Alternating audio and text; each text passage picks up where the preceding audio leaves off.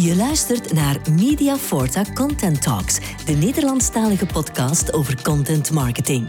Bij ons hoor je inspirerende verhalen over content makers, tips en tricks voor lead generators en strategisch inzicht van experten voor marketeers. Om ook jouw business te laten groeien. Hier is je host Guy met een nieuwe aflevering van MF Content Talks. Dag luisteraars, uh, vandaag opnieuw een duo-gesprek in Content Talks. Uh, die gesprekken voer ik naar aanleiding van het jaarboek van Mediaforta, waarin dit jaar 23 digitale experten hun visie geven over wat er volgens hen in het marketinglandschap zoal belangrijk wordt het komende jaar. Mijn gasten zijn Anita Dirks en Mick Adam.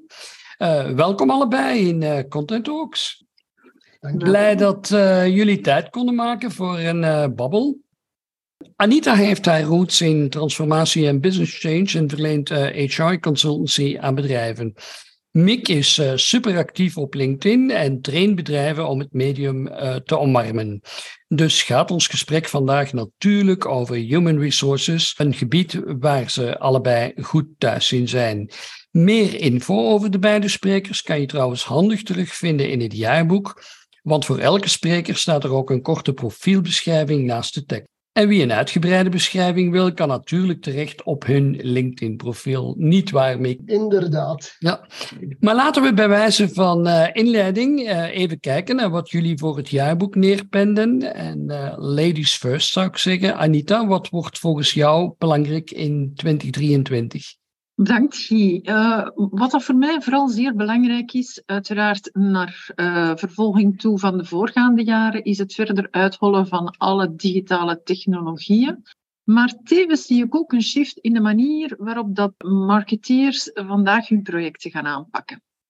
Meer en meer gaan ze het op een agile manier aanpakken, wat eigenlijk een manier van werken is die overgewaaid komt vanuit het IT-gebeuren. Uh, dus ik denk daar bijvoorbeeld aan het werken in sprints, het, uh, het gaan opleveren bij de klant uh, op een veel snellere manier, zodanig dat de klant veel gemakkelijker en sneller kan bijsturen. Dat is voor mij zeker een tendens die, zich gaat voortzetten in 2023. Ja, en, en Mick, wat staat er volgens jou op het spel in het uh, komende jaar? Wel, wat er voor mij vooral uitspringt naar, naar 2023 en een beetje gebaseerd op de ervaring van 2022, is dat uh, eh, HR meer en meer die sociale media wil gaan omarmen en dan hier en daar wel eens, om niet te zeggen heel veel, tegen de muren van marketing loopt en dus op die manier zelf uh, op zoek gaat naar die oplossingen en dus zelf in de wonderenwereld van sociale media gaat inspringen om hen te helpen in deze tijden van de war for talent en dat soort dingen. Ja, want in het verleden hebben we het uh, vaak over IT en marketing gehad, die niet altijd een gelukkig huwelijk vormden. Uh, maar tussen HR en marketing uh, botert het dus ook niet altijd optimaal volgens jou. verwacht HR misschien te veel van marketing of begrijpt marketing de subtiele nuance tussen consumer marketing en, en people marketing onvoldoende? Nee, ik denk niet dat het een kwestie is van dat uh, marketing het misschien niet begrijpt. Het is eerder HR die zich realiseert met dat de, ja, de war on talent niet meer gewonnen kan worden met vacatures alleen. Dat ze dus meer dan alleen maar vacatures moeten gaan proberen in te vullen uh, via de traditionele wegen. En dus kijken zij ook rond van ja, hoe kunnen wij onze doelgroep gaan bereiken en bespelen? En ja, dan kijk je heel snel naar marketing. En dan, uh, omdat die toch een groot uh, publiek hebben opgebouwd via de traditionele sociale mediakanalen, of een LinkedIn, een Facebook of wat anders. Maar ja, dan krijgen ze daar heel vaak geen gehoor, omdat ja, die kanalen vandaag vooral worden ingezet door, door en voor marketingdoeleinden. En er dus geen ruimte is om dan nog eens dat te gaan opentrekken naar HR. Laat staan dat ze goed goede doelpubliek hebben. Ja, employer branding, hè, of je bedrijf in de markt zetten als interessante werkgever. Het is geen klassieke marketing, het is evenmin digitale marketing. Uh, maar HR moet dus leren een aantal technieken en kanalen te gebruiken waar marketeers al wat langer ervaring mee hebben. En, en dat is ook hoe jij het ziet, hè Anita? Absoluut. HR moet niet opnieuw het warm water gaan uitvinden. Hè. De technieken die bestaan er kunnen perfect worden ingezet voor HR. Uh, denk aan klanttevredenheidsmeten. Uh, dezelfde tools kun je even goed gebruiken voor HR dan voor marketing. En meer nog, er zit een correlatie tussen de beide. Dus uh, het kan zelfs nog veel waardevoller zijn voor marketingmensen om eventueel samen te gaan werken met HR daarvoor. Ja, maar daar wil ik misschien wel even op inspelen. Marketing ziet toch die kanalen als hun speelveld, hun domein en als een andere afdeling, en dat is nu in dit geval HR, maar je ziet dezelfde elementen opdagen voor sales trouwens. Eh, als, je, als die beginnen in dat vaarwater van marketing te stappen, dat er toch wel wat uh, ja, uh, muren worden opgetrokken van dit is ons domein en blijf er maar buiten. Klopt, maar in de marketing spreek je ook over klanttevredenheid. En in HR spreek je over personeelstevredenheid. En daar vind je echt een grote correlatie tussen beiden. Ja, ja helemaal eens. Dus ik denk dat er daar zeker een toegevoegde waarde is om, uh, om marketing en HR uh, erbij te betrekken. Ja. Ja, ja, ja, ik ben het helemaal eens met, met jouw punt. Hè. Dat, laat dat duidelijk zijn. Okay. En het wordt natuurlijk allemaal, komt natuurlijk allemaal onder druk te staan door die, door die War for Talent. Uh, die uh, War for Talent is niet compleet nieuw. Hè? Het is al een tijdje aan de gang. En, en het ziet er naar uit dat het ook nog uh, wel even meegaat. maar ik wil toch vragen waarom jullie beiden eigenlijk precies dat topic dan, dan, dan wel aanhalen voor jullie visie 2023 ja, het blijft uiteraard een bottleneck voor de bedrijven. Hè. Uh, in een business wordt er vandaag nog veel te veel gekeken naar diploma's en certificaten en nog veel te weinig naar competenties. Dus wat is er belangrijk eh, voor een goede kandidaat te vinden? Dat is niet alleen de juiste competenties op vlak van businesscompetenties, maar evengoed met cultural fit en behavioral competenties. Dus daar is er zeker nog wel wat werk uh, voor HR om daaraan te gaan werken. En dan, ja, als je spreekt over War for Talent, uh, de combinatie van de oorlog, de crisis en de uitreders uit de arbeidsmarkt, dat zorgt er natuurlijk voor dat arbeidskrachten blijft uh, toenemen.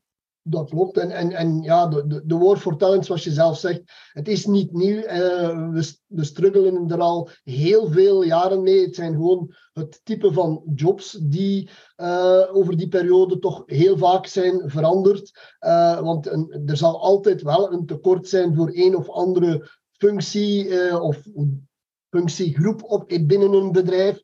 Uh, laat ons daar eerlijk over zijn. 20 jaar of 30 jaar geleden was er geen tekort aan IT'ers en engineers. Nu vandaag zijn die, die moeilijk te vinden. Dus dan, dat heeft andere roots natuurlijk van waarom dat, ja, die, die, die vele vacatures openstaan vandaag. En waarom dat dus die, ja, die, die war for talent, uh, ja, we zijn allemaal op zoek naar die witte konijnen. Daar komt dan nog eens bij dat meer en meer bedrijven, en dat merk ik dan toch vanuit mijn praktijk, ja, ik bedoel, men, men gaat op zoek naar, naar, naar het witte konijn letterlijk. Hè. En de, die, die, als je niet aan 100% of 110% van de criteria gaat beantwoorden, ja, dan kom je er gewoon niet, niet in. Dus een stukje van het verhaal zal ook moeten zijn dat bedrijven vandaag ook moeten bereid zijn om te gaan investeren in hun eigen mensen, om die te gaan upskillen, zodanig dat die, die, die, die talenten uh, worden bijgewerkt. Of gaan bedrijven zich moeten openstellen om ja, mensen die de competenties hebben binnen te halen en te gaan trainen voor de, de, de, functies die zij hebben openstaan. Maar ja, goed, het is ook altijd een kwestie van, we willen vandaag iemand die de skills heeft om vandaag onmiddellijk al operationeel te zijn en niet te gaan investeren, uh, want dat is een periode dat die persoon mogelijkerwijze niet bijdraagt, wat misschien helemaal verkeerd is, hè, maar die niet gaat bijdragen aan het hele verhaal. Dus die war for talent, dat is ook zoiets dat we een beetje kweken door, door in onze vacatures ja, die witte konijnen te gaan zoeken. Hè. En, en in alle eerlijkheid, als je vandaag vacatures ziet, het zijn doorslagjes van elkaar. Hè. Dat, dat klopt, hè, maar ik, hè, en die witte konijnen, ik, hè, ik hoor hier, hè, de bedrijven willen ook altijd die witte uh, konijnen vinden. Maar ik, ik denk dat we, dat, dat we toch ook even naar het doelpubliek van HR moeten kijken en dat ook de sollicitant van vandaag veel mondiger geworden is en andere verwachtingen heeft. En daar dan naar peilen, daar krijg ik een beetje een déjà vu gevoel. Hè? Want dat is precies hoe we een paar jaar geleden in marketing over de consument praten. Hè? Die consument is, is eh, mondiger geworden en we moeten daar ook leren luisteren naar die consument, leren peilen naar wat verwachtingen zijn. Is dat überhaupt een, een, een vergelijkbaar, die, die, die, die twee, eh, ja, de manier waarop dat je daar eh,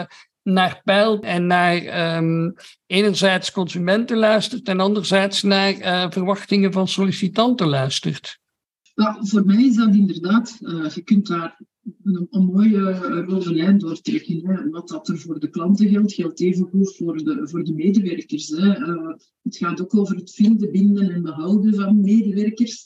Ehm, en ja, en het, het, uiteindelijk het inlossen van de verwachtingen. Hè. En zowel voor medewerkers als voor klanten is dat super belangrijk. Mhm. Dus, uh, ja, zeker. Ja, persoonlijk, allee, als je vandaag kijkt, die kandidaten, die, die gaan, die, die, dat zijn eigenlijk consumenten van ja, de, de content of de, de omgeving van bedrijven. Uh, laat ons daar eerlijk in zijn. Die mensen doen hun huiswerk waarschijnlijk nog veel beter dan de consumenten zelf. Zij gaan ook kijken op het internet naar wat kunnen wij allemaal over het bedrijf gaan vinden. Uh, wat, uh, wie ken ik binnen dat bedrijf en kan mij iets vertellen over de cultuur en de sfeer binnen dat bedrijf. Dus die kandidaten die op interview willen komen, zal ik op dit ogenblik maar even zeggen, die zijn eigenlijk veel beter geïnformeerd dan dat HR-mensen zich bewust van zijn. Want heel veel HR-mensen weten zelfs niet wat er over hun bedrijf wordt verteld, weten soms zelfs niet hoe ze er zelf uitzien in de digitale wereld. En ik heb het daar niet alleen over LinkedIn, maar ook over andere platformen of puur gewoon het internet.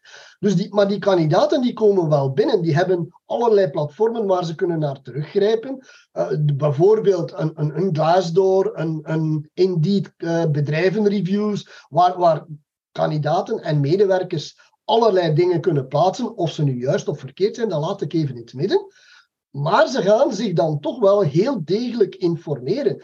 En de kandidaat in deze tijd van de War for Talent, die zit in controle. Hè? Want uh, ja, ik kan kiezen uit vijf, zes, misschien tien verschillende bedrijven die mij willen. En ja, dan, dan, dan zit je in een heel ander verhaal. Nu, mijn statement is dat van ook dat HR-mensen meer en meer een sales approach gaan moeten aannemen en hun bedrijf en de sfeer en alles wat erbij hoort, te gaan verkopen. En dat is een heel vuil woord in, in HR, dat weet ik. Maar ze gaan het moeten verkopen aan die kandidaten. Hè? Want die zitten daar gewapend met alle wapens die ze maar kunnen hebben. Hè? En als je dan, dan vanuit HR een interview doet en je krijgt vanuit een blinde hoek een vraag van waarom dit of waarom dat, en je weet niet van waar die vraag zou kunnen komen, ja, dan ben je onmiddellijk al gezien. Dus ja. kandidaten zijn vandaag, zoals je eigenlijk juist aangaf, uh, dat zijn de consumenten van waar, die, wij, die wij tien jaar geleden misschien, of zelfs minder, probeerden te peilen van wat hebben zij nodig, wat, wat, wat weten zij allemaal over ons. Ze zijn beter geïnformeerd dan wij zelf. Ja, correct. Nu, ik denk dat we dat toch even moeten nuanceren, want ik ben al jaren uh, als recruiter uh, ook uh, actief. En mm-hmm. soms verbaast het me hoe weinig, hoe weinig echte kandidaten gaan kijken naar onze website of naar andere kanalen. En als je dan gaat peilen naar wat weet je over het bedrijf, ja, ik denk dat er daar voor de kandidaten nog, uh, nog een grote marge is. Ik denk wel, in hogere profielen zal dat zeker zo zijn, maar we spreken niet alleen over de hogere profielen. En ik denk dat er daar zeker nog een, een leercurve is voor kandidaten. Daar wil ik misschien nog even op inspelen. Ja, de hogere profielen die zijn zeer zeker ingelicht. Allee, ja, goed, die mensen weten waar ze die informatie kunnen vinden. De lagere profielen, en, en ik bedoel daar niks negatiefs mee, maar de lagere profielen die gaan dan veel meer op de ja, de, de, de platte sociale mediakanalen gaan, gaan hun informatie halen en, en hun netwerk opbouwen. En dan praat ik vooral over de Facebooken en om maar te zwijgen van TikTok vandaag. Hè, want daar, mhm. daar, daar begin je dus ook van alles te zien en te horen. Ja. Ik wil daar toch nog een vraag rond stellen. Hè? Want, want hè, eh, geïnformeerd zijn en de mate waarin dat ze geïnformeerd zijn, daar hebben we het net over gehad. Maar ik denk ook dat die andere eisen hebben ten opzichte van het bedrijf. En daar denk ik kan je dan ja, op LinkedIn en, en andere kanalen ook wel, wel, wel zien, denk ik, wat die zijn.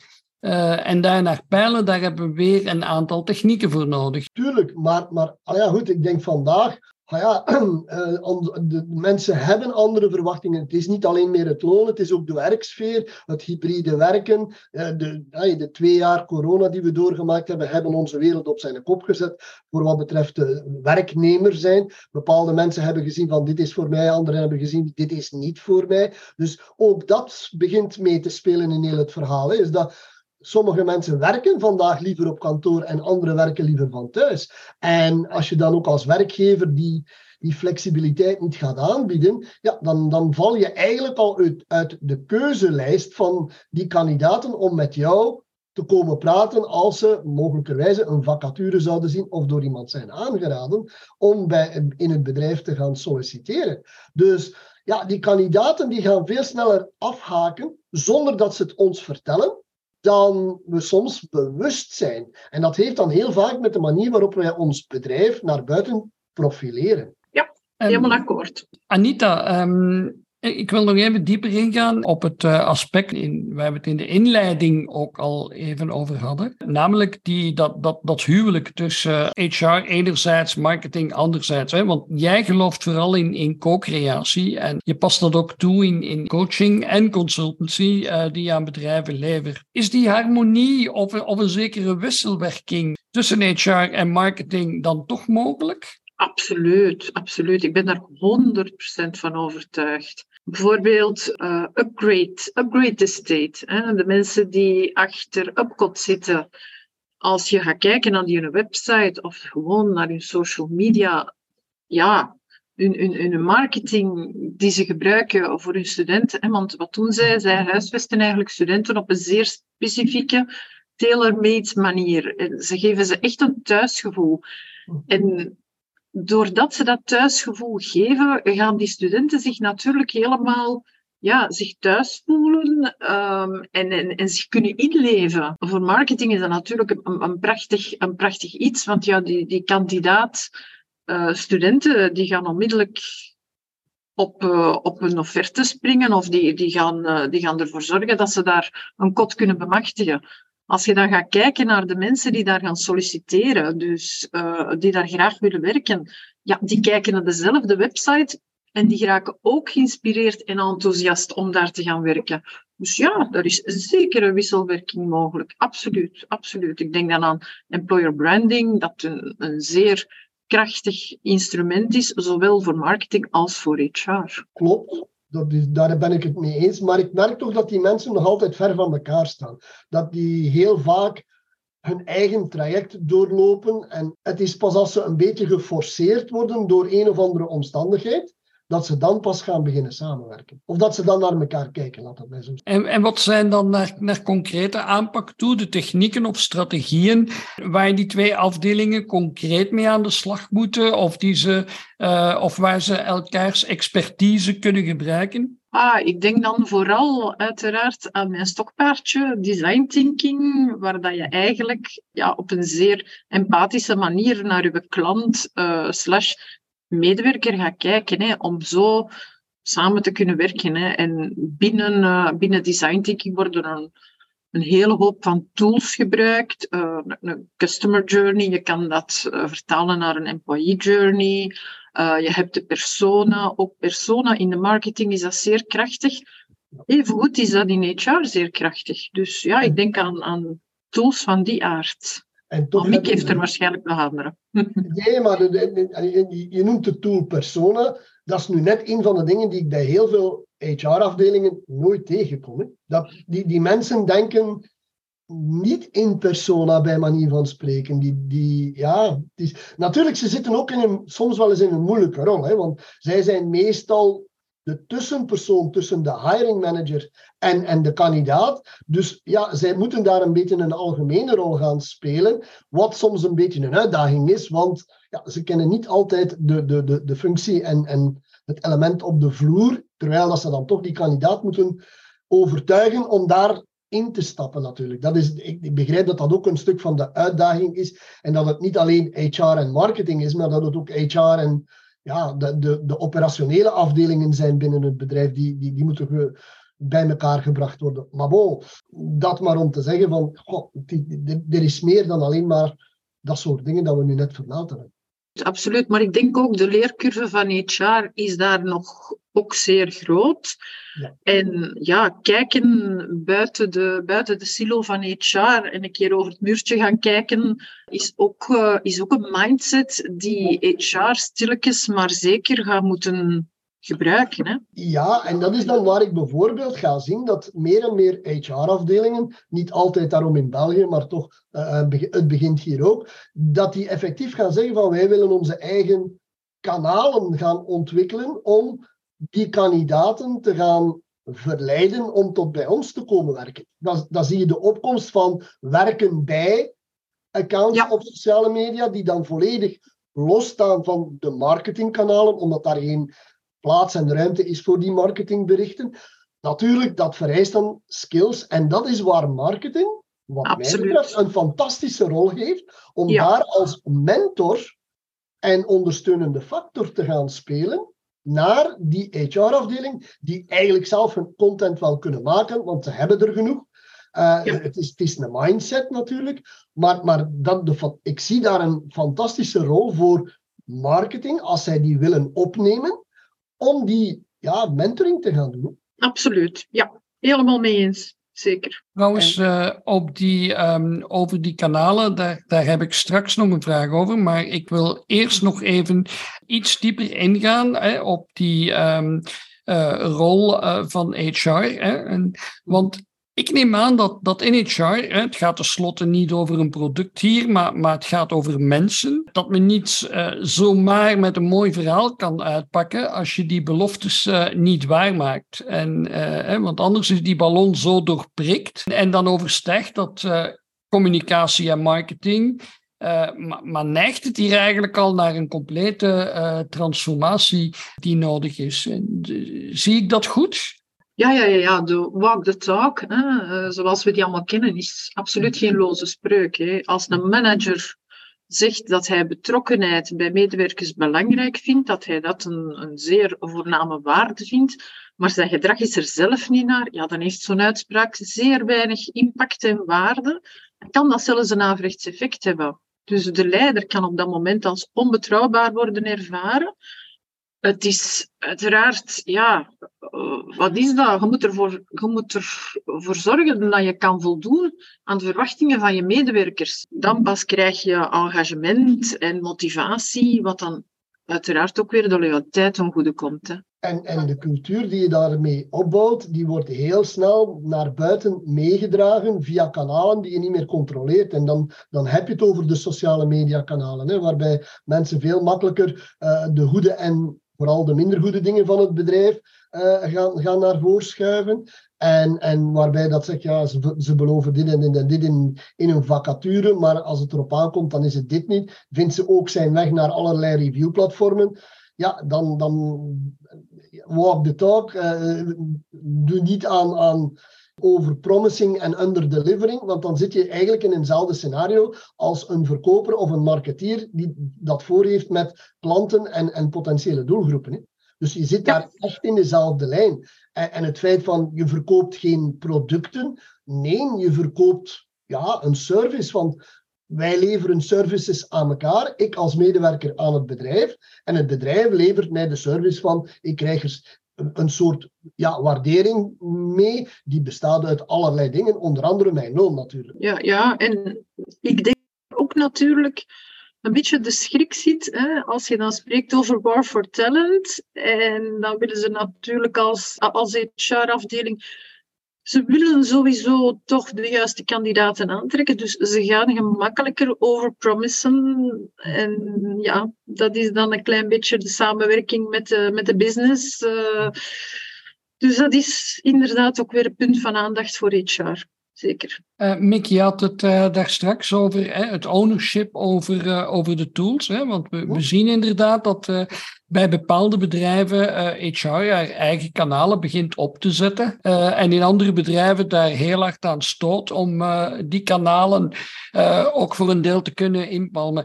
Maar die aparte kanalen die naast elkaar gaan leven, is dat een goede zaak? Is dat een goede zaak? Je moet ook een beetje gaan kijken van wat ga ik met die kanalen of wie wil ik met die kanalen gaan bereiken. Als je marketingkanalen vooral bedoeld zijn voor marketingdoeleinden, verkoopsdoeleinden, ja, als je daar dan begint met HR-achtige content te gaan opplaatsen, ja, dan, dan, dan komt dat eigenlijk heel eigenaardig over bij die consumenten, bij die, bij die doelgroep. Dus je moet ook een beetje vertrekken vanuit het standpunt van moeten wij aparte kanalen hebben voor die aparte doelgroepen. En vandaar dat de rol voor marketing, en ik blijf erop terugkomen, die ondersteunende en mentoringrol is om ervoor te zorgen dat die kanalen op een goede manier evolueren en dat die effectief een goede reden hebben om naast elkaar te bestaan, omdat de doelgroepen die je bespeelt met die kanalen, dat die zo verschillend zijn, dat je die eigenlijk niet kunt mengen. Want dan kom je met een heel vloe verhaal naar de markt, waarbij niemand het nog gaat begrijpen. Niet die kandidaten, niet die anderen. Nu, er moet natuurlijk ook een stukje wisselwerking zijn tussen die twee. En opnieuw, daar zit je terug met, laat ons die band tussen HR en marketing en andere afdeling, om die zo klein mogelijk te gaan maken en dus de juiste eh, toon aan te slaan bij die kandidaten. Maar is dat een goede zaak? In sommige gevallen wel. Zeker bij de grotere bedrijven is dat het geval. Ik denk, allee, een groot bedrijf die geen kanaal maakt werken bij, die, die, allee, die, die gaan weinig visibiliteit krijgen op hun sociale media. Bij kleine bedrijven is dat natuurlijk wel een ander verhaal, omdat je daar misschien niet altijd veel marketeers hebt die erachter zitten. Mensen in HR die hebben al zoveel te doen dat ze er eh, niet kunnen bijnemen. Dus ja, kleinere bedrijven zul je dat wat minder zien. Maar bij de grote bedrijven is dat echt een must hoor. Ja, ik denk dat het vooral belangrijk is inderdaad dat HR daar zeker kanalen gaat gebruiken, maar toch met de kennis van, van, van marketing. Dus zoals ja, dat gezegd, marketing die daar de mentorrol op gaat nemen, is zeer waardevol. Want wat kent HR vandaag uh, van tone of voice, van branding? Uh, wel, wel, daar wil ik even op inpikken, want die tone of voice en branding, die staat wel in elke vacature en die loopt nooit via marketing. Niet altijd, niet altijd. Zeker niet altijd. Maar als je spreekt over werken bij, is dat heel dikwijls een samenwerking van HR en marketing. En dan gebruikt HR natuurlijk al een beetje de common grounds die er zijn om, uh, om hun vacatures, vacatures uh, aantrekkelijk te kunnen maken. Hè. Dus ik denk dat, dat we daar toch wel een schoon samenwerking hebben. Ja, akkoord. En dat is de ideale wereld. Hè. Laat ons dat duidelijk over zijn. Maar, maar heel vaak wordt het echt letterlijk twee aparte kanalen. Wij doen alle twee ons eigen ding. Uh, maar dat is, als het iedereen zijn eigen ding is, dan wordt het op het einde een kakofonie. Ja. En dat is een slecht idee. Ja. Daar heb ik schrik van, hè? want dan, dan zien we een divergentie tussen, tussen de wereld van de consument en, en het bedrijf als employer anderzijds. Helemaal eens, hè? maar vandaar, ik blijf terugkomen naar het feit van die rol voor marketing, die, zich, die, die, die zichzelf moet heruitvinden als de mentor voor, niet alleen voor, voor HR, maar ook voor sales en voor andere afdelingen hoor trouwens, om die, die mentoringrol te gaan opnemen. En Goh ja, dat had even goed een, mijn, een van mijn trends kunnen zijn voor dit jaar of voor volgend jaar. En hoe kunnen we voorkomen dat er, dat er discrepantie ontstaat? Door samen te werken. Door samen te werken. Altijd. Co-creatie is altijd krachtig. En waarom kan marketing die een keer mee uh, gaan brainstormen samen met HR van hoe gaan we dat nu aanpakken? Why not? Ja, en dan zitten we weer in die overleg- en mentorrol die jullie bedoelen, denk ik. Hè? Maar, maar ik zit nu in een project uh, waarbij dat uh, marketing probeert om die rol van ja, HRO te, te, in te vullen. Maar HR doet de stap niet naar marketing. En, en heel concreet, het gaat over een bedrijf die, die, een, die een duur abonnement heeft bij LinkedIn, waarbij dat een aantal employer branding pages moeten worden ingevuld. Marketing wil die wel invullen en wil daar de, de ownership van. Maar marketing weet niet wat dat daarop moet komen te staan. Die input komt van HR en die blijven in een cocoon zitten. Dus zij moeten ook de hand uitsteken naar marketing om daarbij in te springen. En dan krijg je, als je effectief die twee in een goed overleg met elkaar gaat krijgen, dan krijg je een machine die vooruit gaat. Dat is natuurlijk, ja, in kleine bedrijven loopt dat een beetje in elkaar. En ja, marketing is daar heel dikwijls geënt op sales. Hè. Dus uh, daar zit je sowieso al met een discrepantie. En dan gaat HR niet gaan kijken naar marketing, want dan zeggen ze van ja, die kunnen voor ons niks doen, want die verkopen. Ja, dus- Klopt, en, en ook het feit natuurlijk dat HR over, in een kleinere organisatie alles moet doen van uh, recrutering tot, uh, tot en met uh, salaris uitbetalen en sociale zekerheden regelen en wat weet ik allemaal. Dus dat, die sociale media is dan, ja, we moeten dat doen na ons uren, de, vrijdag na, de vrijdagavond. En dan weet je, dan komt het er niet van natuurlijk. Mm -hmm, mm -hmm, exact. Ja. Het woord hè, employer branding, hè, verkeerdelijk wordt dat uh, vooral geassocieerd met recrutering. Maar uh, je werknemers tevreden houden, dat is net zo goed een aandachtspunt uh, binnen die employer branding, denk ik. En vecht dat dan dezelfde aanpak of is dat nog een ander aspect? Hè? En je kan dat dan wel meten met zoiets als een E-NPS, uh, dat, dat is al iets. Maar er dan concrete oplossingen aan koppelen, is toch nog van een ander allooi, denk ik. Hè. Uh, die loyaliteit, hè, die, die, die vandaag toch niet meer helemaal evenredig verbonden is met loon, dat is één aspect. Maar uh, andere aspecten, zoals well-being, je goed voelen in het bedrijf en, en mensen aan boord houden, dat is toch een ander heel erg belangrijk aspect binnen die employer branding, niet? Absoluut, absoluut. En uh, vandaag gaat het veel, veel breder dan, juist, allee, dan het aantrekken van de juiste profielen. Hè. Ik heb het er net al aangehaald. Het gaat over het vinden, binden en behouden van medewerkers. En dat wordt natuurlijk hoe langer hoe moeilijker. Je hebt uh, vandaag je hebt de COVID-crisis gehad. En dan heb je natuurlijk nog ook de mondigheid van onze millennials, die uh, weer een nieuwe tendens of vlaag vanuit de US uh, hebben laten overwaaien, de quiet quitting. Waar de, de jongeren uh, nog enkel hun nurkes willen doen en na de werkuren willen ze geen mails meer checken. ja, dat is een heel andere mindset dan bijvoorbeeld bij, bij ons als, als seniors en als medewerkers van het eerste uur, laat ik het maar zeggen, is dat voor ons, ja, komt dat een beetje eigenaardig over. Nu, ik sta daar volledig achter. Er is natuurlijk, of er moet een goede work-life balance zijn.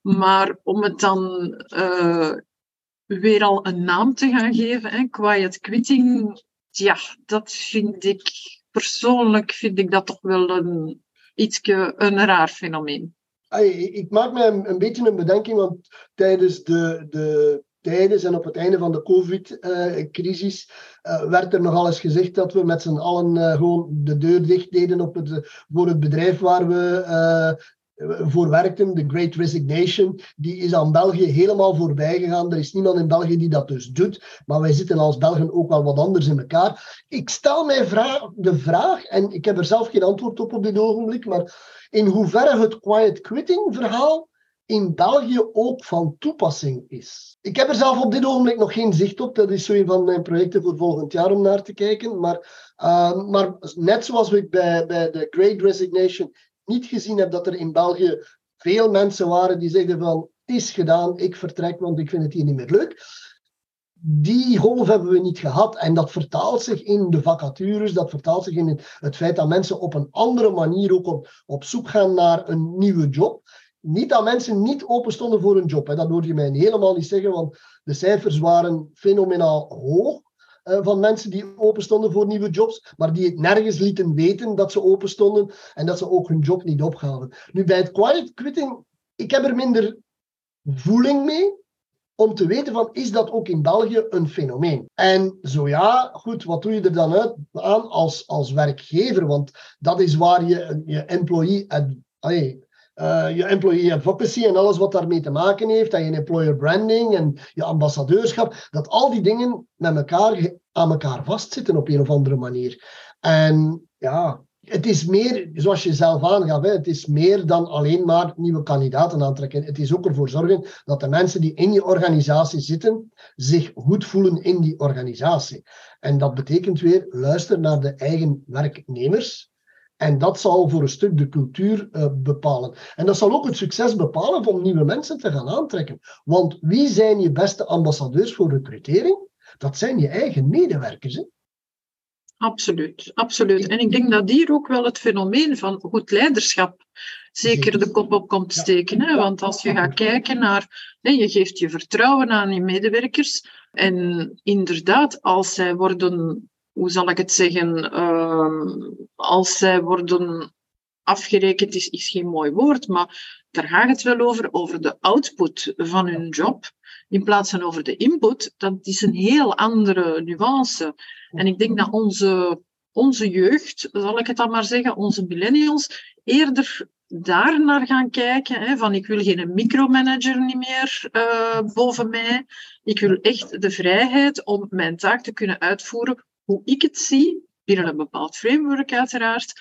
En dan in combinatie met de work-life balance, denk ik dat ja, de Amerikaanse vlaag ook aan ons gaat voorbijgaan. Dat is ook mijn, uh, mijn gevoel. Ja. Nu, ik zeg niet dat het in andere landen niet, niet zo'n vaart zal gaan, maar ik merk dat wij als Belgen uh, en, en misschien ook als Fransen, Duitsers, daar toch een stukje conservatiever mee omgaan en misschien iets meer op onze tanden bijten. Ik weet niet of dat een goede uitdrukking is, maar goed. Um, en, en dat we het iets langer gaan uitzingen dan, dan wat, wat, wat ik in de Anglo-Saxische landen zie gebeuren. En daar wil, ik, daar wil ik toch nog eens even dieper op ingaan. Gaat het inderdaad een beetje aan ons voorbij? Kunnen we er wat beter mee om? Hè? Of brengen we het niet naar buiten? Hè? Want het feit dat je zegt van uh, komt nog niet tot mij en je zit dagelijks op LinkedIn, dan is het misschien ook zo dat mensen het hier niet durven zeggen, dat mensen het hier niet durven uitdrukken, het hier niet op sociale media durven zetten. Uh, en daar ja, in, in, men in andere landen misschien wat sneller het in de, de ether gooit. Wel, ik, ik, ik denk persoonlijk dat mensen het hier niet in het publieke domein gooien, om niet plotseling de schietschijf te worden van heel veel mensen die naar hen komen met, ah ja, maar wij hebben een andere omgeving. Allee, mensen worden dan belaagd op het moment dat iemand zich openzet voor, worden wij dan belaagd door alle andere, door mensen vanuit HR, vanuit, van, noem maar op. Hè. Uh, maar, maar heel veel we sluiten ons een beetje af, we, we, we, zingen het een beetje uit. Misschien een, een, een, leuk, een leuk feit is uh, op LinkedIn, als mensen van job veranderen, uh, dan ga ik heel vaak die mensen feliciteren, dat doen we met z'n allen. Maar ik ga ook de vraag stellen van, hoe ben je aan die job geraakt? Is dit door een vacature of is dit omdat je door iemand anders bent aangeraden? En meer dan 50% geeft mij aan dat ze eigenlijk getipt zijn door iemand in hun eigen netwerk of dat nu op LinkedIn is of ergens anders. Maar mensen houden het onder elkaar en gooien het niet in het publiek, om dan een beetje te vermijden dat ze de schietschijf worden van ja, allerlei aanvragen. Allee, als ik morgen op, op LinkedIn of op andere kanalen zeg van ik sta open voor een nieuwe uitdaging en ik heb het juiste profiel. Ik kan u niet, allee, dat is zoals als vliegen uh, op, uh, op, op van alles. Hè. Allee, ja, bedoel, die, die, dat is een beetje waar mensen zeker in in onze contrain een stuk conservatiever mee omgaan dan in andere landen waar men er sowieso veel opener over is. Maar dat is mentaliteit, hè, dus daar kunnen we niks aan veranderen. Anita, wil jij iets toevoegen aan die mentaliteit? Want ik zie jou knikken. De, uh... Knikken is dat ik akkoord ben, hè? Ja. Absoluut, ja, ja, ja. Zeker akkoord. Uh, nu, misschien ook weer daar, uh, het hangt er ook wel vanaf van wie dat je zelf bent en hoe dat je in de arbeidsmarkt uh, staat. Ik denk dat dat ook wel een, een hele grote troef is als je als ondernemer en je zoekt een nieuwe job, uh, dan ga je veel gemakkelijker je netwerk aanspreken. Terwijl als je uh, bediende bent, uh, dan ga je veel gemakkelijker contact nemen met bureaus, met agencies of zo, om te zeggen van hey, ik ben op zoek naar een job, kunnen jullie mij helpen? Ik denk dat daar ook wel een heel groot mentaliteitsverschil zit. Ja. Akkoord, akkoord. En dit brengt mij naadloos bij, bij een ander aspect waar, uh, waar ik nog een vraag over heb. Hè? Dat is die, die ambassador role. Hè? Hoe kunnen jouw bestaande medewerkers eigenlijk het, het verhaal uh, van het bedrijf naar buiten brengen, andere mensen aantrekken, omdat ze simpelweg vertellen hoe, hoe leuk het is. Um, en, en, en werknemers kunnen natuurlijk ook het marketingverhaal van een bedrijf breken als ze dat niet uh, ondersteunen. Hè. Dat is ook weer een raakvlak waar marketing en HR opnieuw elkaar uh, tegenkomen. Uh, wie moet die ambassadorrol dan, dan stimuleren? Um, is dat een taak die weggelegd is voor HR? Of is hier marketing of misschien nog wel een andere afdeling uh, binnen bedrijven aanzet? Voor mij gaat het niet over de wie, maar eerder hoe we de waarde gaan creëren voor klanten en voor medewerkers. Een ambassadorrol is iets dat je graag opneemt, omdat je fier bent om voor dat bedrijf te werken. Zoals een klant die rol gaat opnemen als hem tevreden is uh, over de producten of diensten die hem bij zijn, uh, bij zijn uh, leverancier heeft gekregen. Dus ja, als marketeer weet je uiteraard hoe dat je je klanten gaat, gaat binden aan je merk. Dat is, dat is een core business van marketing. Het is ook de core business van HR om te weten hoe dat ze de medewerkers aan zich gaan binden. Dus ja, ook voor mij is het weer belangrijk om daar een, een mooie co-creatie te hebben en ervoor te zorgen dat die neuzen in dezelfde richting staan. En dan gaat het eigenlijk over de, uh, de bedrijfswaarde. Dus de, de waarden die je als organisatie belichaamt, die gelden zowel voor uw medewerkers als voor uw klanten. Mick? Ja, helemaal eens. Maar ik, ik denk dat er nog een extra, extra element in, in, de, in de kijker komt te staan. Uh, namelijk, en, en dat zie ik heel vaak op, op allerlei sociale media platformen, hè, is we hebben een vacature, HR gaat die vacature verdelen via, of marketing verdeelt die via allerlei kanalen. En, en dan zie je een aantal dingen gebeuren. Er wordt aan medewerkers gevraagd van, kun je deze vacature delen in je netwerk? Hoe je het dan deelt, laat ik even in het midden. En dan, wat ik dan heel vaak mis, is dat zowel HR als hiring managers dat zelf niet doen.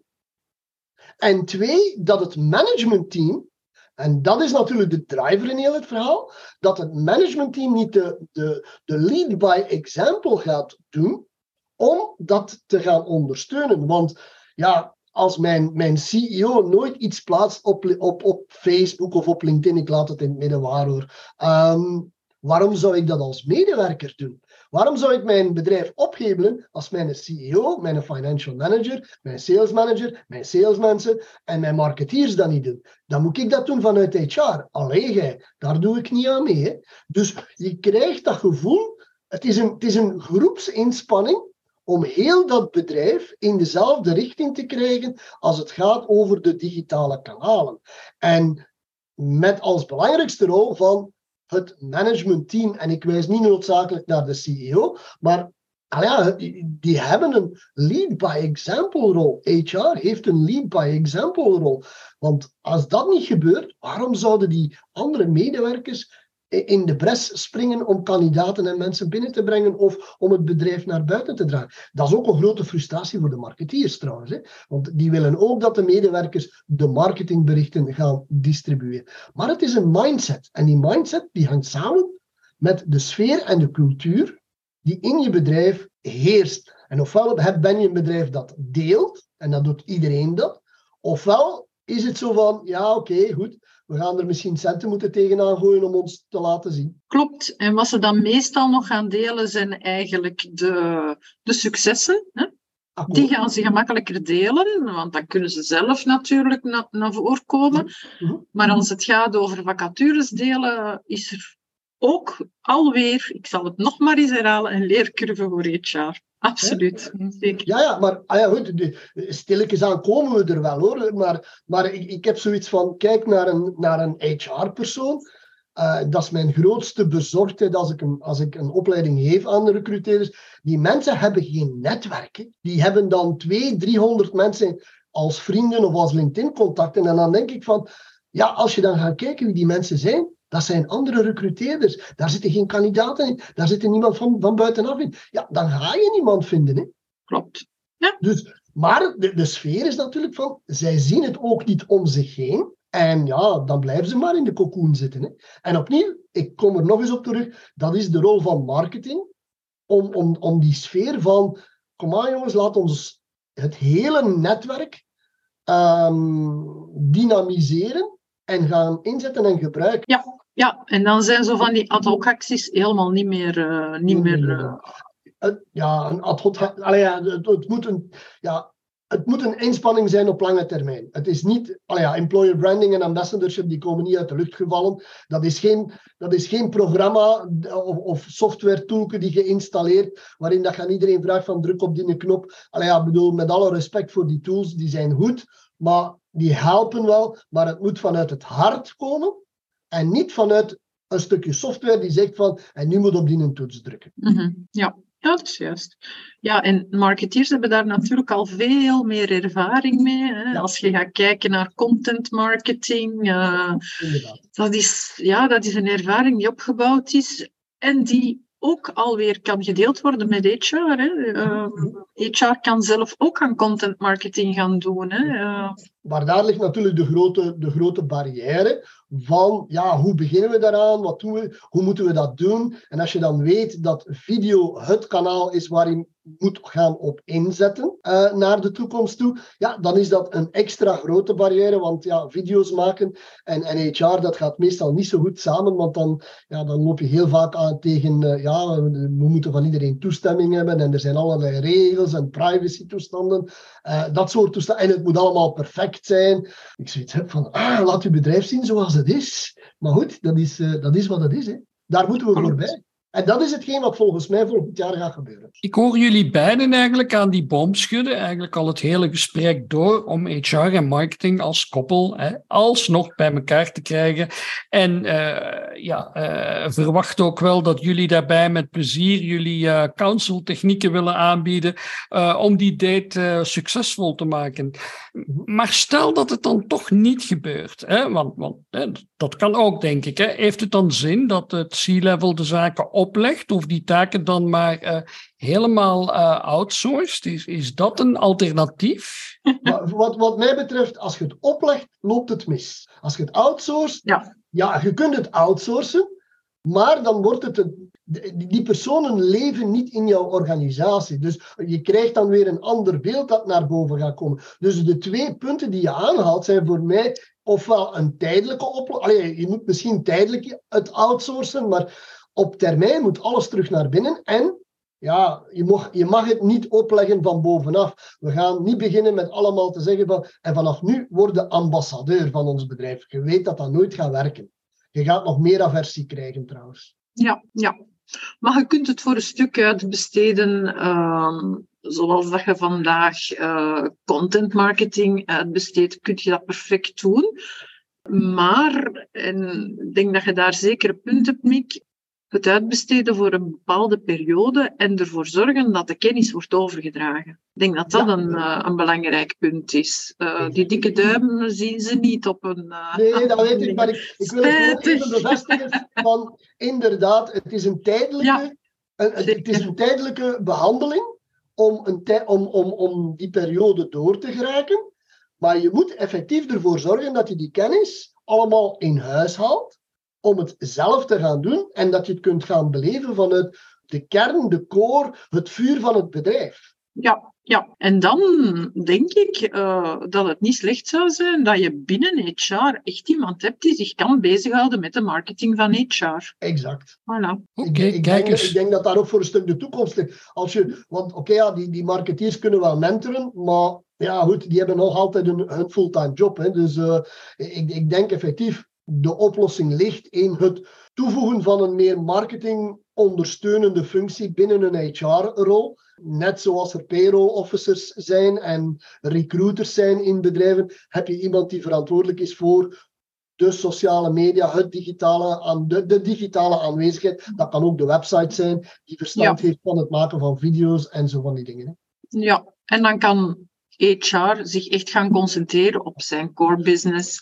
Ja. Het ontzorgen van het menselijk kapitaal. Daar gaat het over. belangrijk is dat die persoon die dan in HR marketing doet, dat die ook dicht betrokken is bij het marketingverhaal van de organisatie, zodanig dat je die synergie krijgt van die twee. Ja, dat is een mooie afsluiter. Zeg, dat is een samenwerking tussen Mick en mij. Hè? Ja, ja, natuurlijk, maar daarom is het ook een duo-gesprek. En ik heb het gevoel dat we nog wel even door kunnen praten over dit uh, onderwerp. Uh, maar zullen we het hierbij houden? Hè? Het is uiteindelijk de, de bedoeling dat mensen ook nog iets te lezen hebben. Al de dingen die jullie uh, publiceren.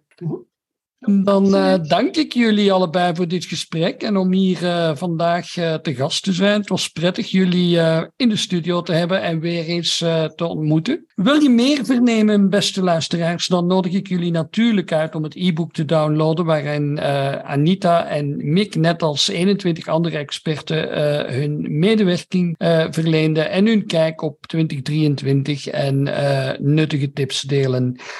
Dat jaarboek is een uitgave van Mediaforta, het mediabedrijf achter de Content Talks podcast, maar natuurlijk producent van zoveel meer goede content voor tal van bedrijven in diverse industrieën. Je ontdekt meer op mediaforta.com en het jaarboek kan je daar ook bekomen. Wil je rechtstreeks naar de downloadlink, dan zet je achter mediaforta.com nog een schuine streep, gevolgd door 2023 mediaforta.com slash 2023 dus. Even het formuliertje invullen en dan kun je het e-book direct binnenhalen. Ik voer nog een aantal andere duo-gesprekken in het kader van Visie 2023. Je ontdekt ze eh, hier op onze podcast. Dus uh, misschien tot een van die gesprekken of een van onze andere episodes van Content Talks natuurlijk, waarin ik praat met content-experten en marketeers over marketing of alles wat daar van ver of dicht uh, bij aanleunt. Bedankt voor het luisteren en tot snel. Dit was MF Content Talks. Volg onze podcasts op onder meer Spotify, Google Podcasts, Apple.com en nog meer kanalen. Op onze website mediaforta.com vind je het overzicht van al onze streams en onderwerpen. Zo hoef je niets te missen. Bedankt voor het luisteren en tot binnenkort.